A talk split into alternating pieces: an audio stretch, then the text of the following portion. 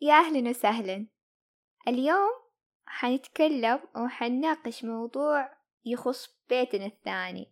أكيد فكرتك بجملة دايما تتردد على سمعك في المدرسة. كانوا دايما يقولوا لنا هنا بيتكم الثاني. رغم إنه ما أعرف ليش بيتنا الثاني. يقولوا يمكن نقضي نص يومنا. ما أعرف كيف نص يومنا رغم هو تمانية ساعات تمانية ساعات نوم وتمانية ساعات دوام. نقصها ستاشر ناقص أربعة وعشرين بقى تمانية ساعات تمانية ساعات هذه تقضيها في البيت في المذاكرة المهم ما علينا. كبرنا وصار بيتنا الثاني مكان عملنا. قد إيش مهم إنه بيتك الثاني بيئة عملك تكون صحية؟ وهل كل بيئة صحية تكون إيجابية؟ ولا البيئة الإيجابية هي البيئة الصحية؟ ولا عشان تكون بيئة صحية المفروض ما تكون بيئة سامة تساؤلات.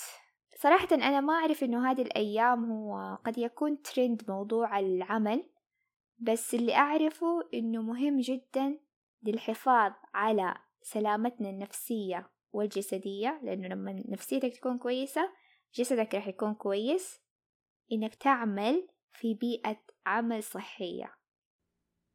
بعض الناس يصحوا الصباح مهما كانوا تعبانين ومثقلين من هذه الحياة يروحوا لأعمالهم وهم في حالة نفسية جيدة جدا.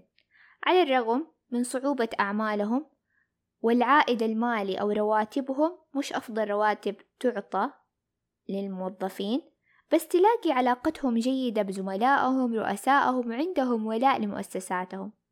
في المقابل في البعض اللي يكونوا في مناصب عالية رواتبهم عالية لكنهم دائما مستائين آه تتغنبج صدورهم أو خلينا نقول لكم تتغنبج هذه كلمة حجازية بمعنى تضيق صدورهم تتكدر صدورهم كل ما يتذكروا مكان عملهم ليش؟ لأن بيئة عملهم سيئة علاقتهم بزملائهم رؤسائهم قد يسود بيئة عملهم للأسف الحقد الحسد منافسة غير شريفة مكائد ضغائن.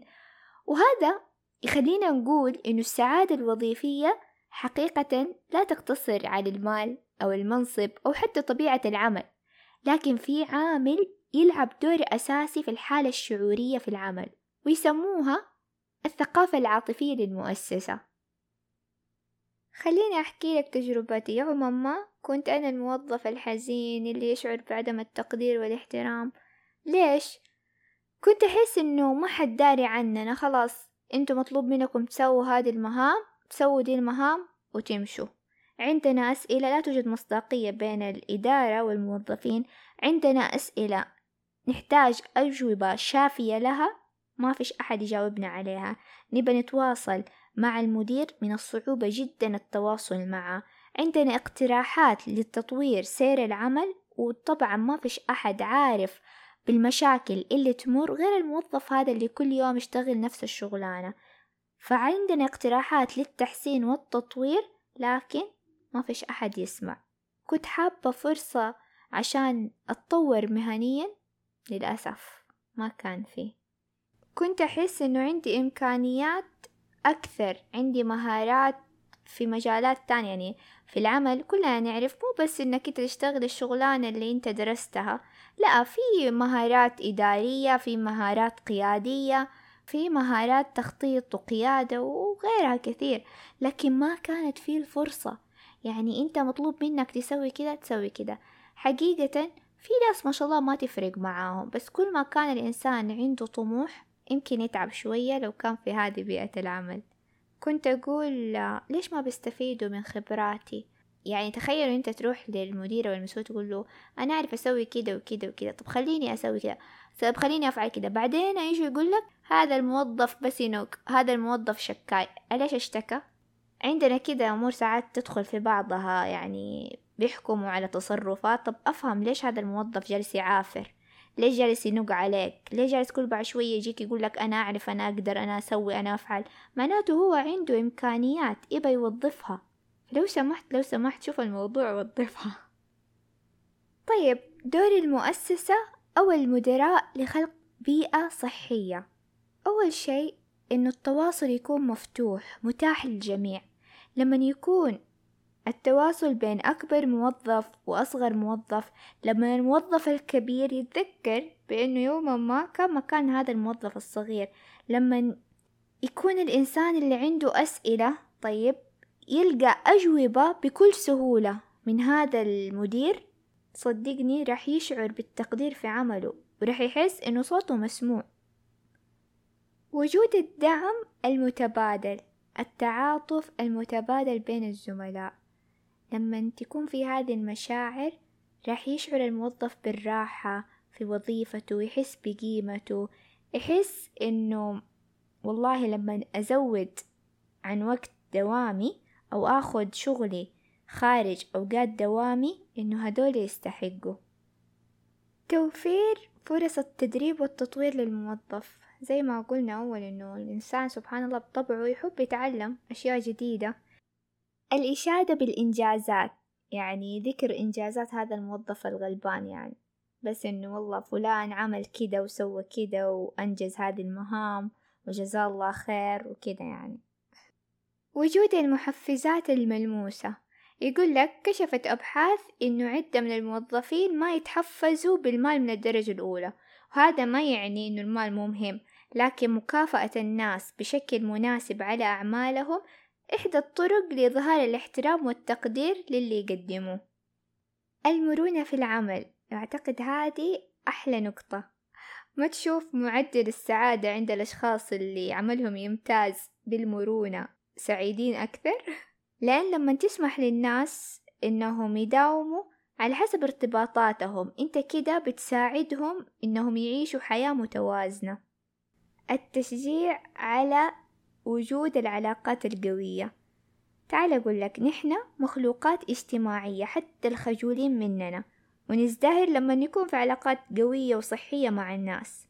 أوكي أنت ما راح تجبرهم إنهم يستلطفوا بعض لكن تقدر تخلق فرص عشان تتطور العلاقة بينهم وتتطور صداقتهم.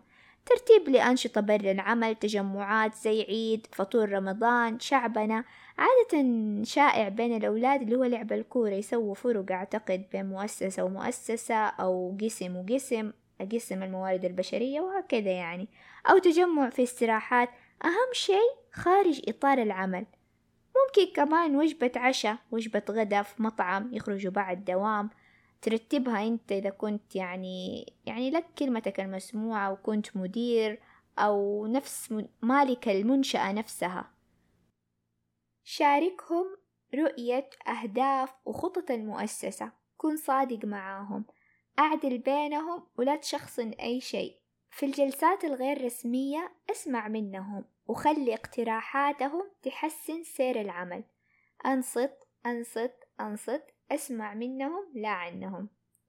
ذكرت شيء مرة سمعت والله ماني ذاكرة فين لكن يقول لك نحن نختار أفضل الموظفين عشان هم يقولوا لنا إيش نعمل مش عشان نحن نقول لهم إيش يعملوا. صح ولا ليش تختار كفاءات عالية وبعدين تباهم يعملوا اللي أنت تمليه عليهم؟ الكلام اللي قبل كان لازم منه عشان لو كنت صاحب شركة أو مؤسسة يوما ما أو حتى في منصب مدير لهذه الشركة والمؤسسة يعني صوتك مسموع يكون قد جاك العلم. الآن دورك أنت يا موظف في خلق بيئة صحية. قبل ما نبحر في هذا الجانب أتذكرت هذاك الزميل اللي لما يخلص مهامه في العمل بإمكانه يمشي بيته لكن جاء وسألك إيش تحتاج مني أساعدك؟ قاسمني مهامك. واعمل المهام معاك عشان تخرجوا كلكم سوا. الزميل اللي لما يكون عندك ظرف يساعدك ويساندك ويغطي عليك ويوقف معاك. يا رب نكون نحن هذاك الزميل ويكون عندنا من هذا الزميل. كيف أنت تساهم إنك تكون في بيئة صحية؟ وركز قلت تساهم. المفروض إنه كلنا عندنا في بيئة العمل هداك الشخص اللي شوفته في الدوام تجيب السعادة. لما يغيب الكل يفتقده يفتقد طاقته الحلوة اللي تعم المكان. شخص بشوش طيب ما ينطق إلا بالطيب. يجبر الخواطر. سمعك تقول أحب الشيء الفلاني؟ جابوا لك من تاني يوم. يسعى راحة الجميع. يفكر كيف يخلق طاقة إيجابية. إيش عبارات في الصباح؟ ويدخل في يده قهوة. حلا فطور يحط روايح حلوة يبخر يتمنى لك الخير يفرح لفرحك يزعل لزعلك يواسيك يحس بزملائه مراقب للجميع مين متضايق مين متغير من الآخر يحاول يخلق بيئة إيجابية عشان تحب المكان وتتحمس إنك تجي ولو غبت تشتاق للمكان وأهله. لكن هناك الشخص اللي على النقيض تماما. أعتقد جميعنا نعرفه بس قبل ما أبدأ بليز لا تكون ذاك الشخص المعبس المتشائم صاحب الكلام السلبي اللي طول الوقت. حلطمته ما تخلص. تعليق على فلان وعلان. غيبة ونميمة. يحاول يشيشك على الآخرين. طول الوقت يتكلم بسلبية عن العمل ومشاكل العمل. يضخمها. يزود بهارات عليها. حاسد صاحب مشاكل. إذا عندك هذا الشخص تعاونوا عليه ولا تخلوه يغلبكم بطاقته السلبية لأن الحياة فيها ما يكفيها. لا تتركوا له مجال حاولوا تتكلموا معاه عن أثره عليكم وكيف عمال يصعبها عليكم. أقول لك أسرار بسيطة أنا أسميها مفاتيح القلوب. السلام. انت داخل وانت خارج تسلم على الرايح والجاي تعرفه ولا ما تعرفه؟ لأنه فعلا لو تعرف معنى السلام إنه ربي يجعل بينكم سلام. الابتسامة والله مش بفلوس. أصلا تشد عضلات الوجه وتأخر الشيخوخة. تبسمك في وجه أخيك صدقة. الرسول صلى الله عليه وسلم قال لا تحقرن من المعروف شيئا ولو أن تلقى أخاك بوجه طلق. Be nice. أمدح إذا شفت أحد عمل شي كويس أمدحه قول كلام طيب والله ما تخسر شي لما أحد يتكلم معاك أعطيه قدر من الاهتمام. التفت عليه كلك بحواسك. حسس كل شخص بقيمته واحترامه. في حديث الرسول صلى الله عليه وسلم يقول لك وخالق الناس بخلق حسن. صدقني دي بس أساسيات اللطافة في الحياة. حتى لو كان المكان سيء بس بهذه التصرفات رح يكون في good vibes يعني. الناس حتحس كده بشيء من التآخي اللطف التراحم. وبس يا صديقي لا تنسى اللايك ومشاركة الحلقة مع أحبابك.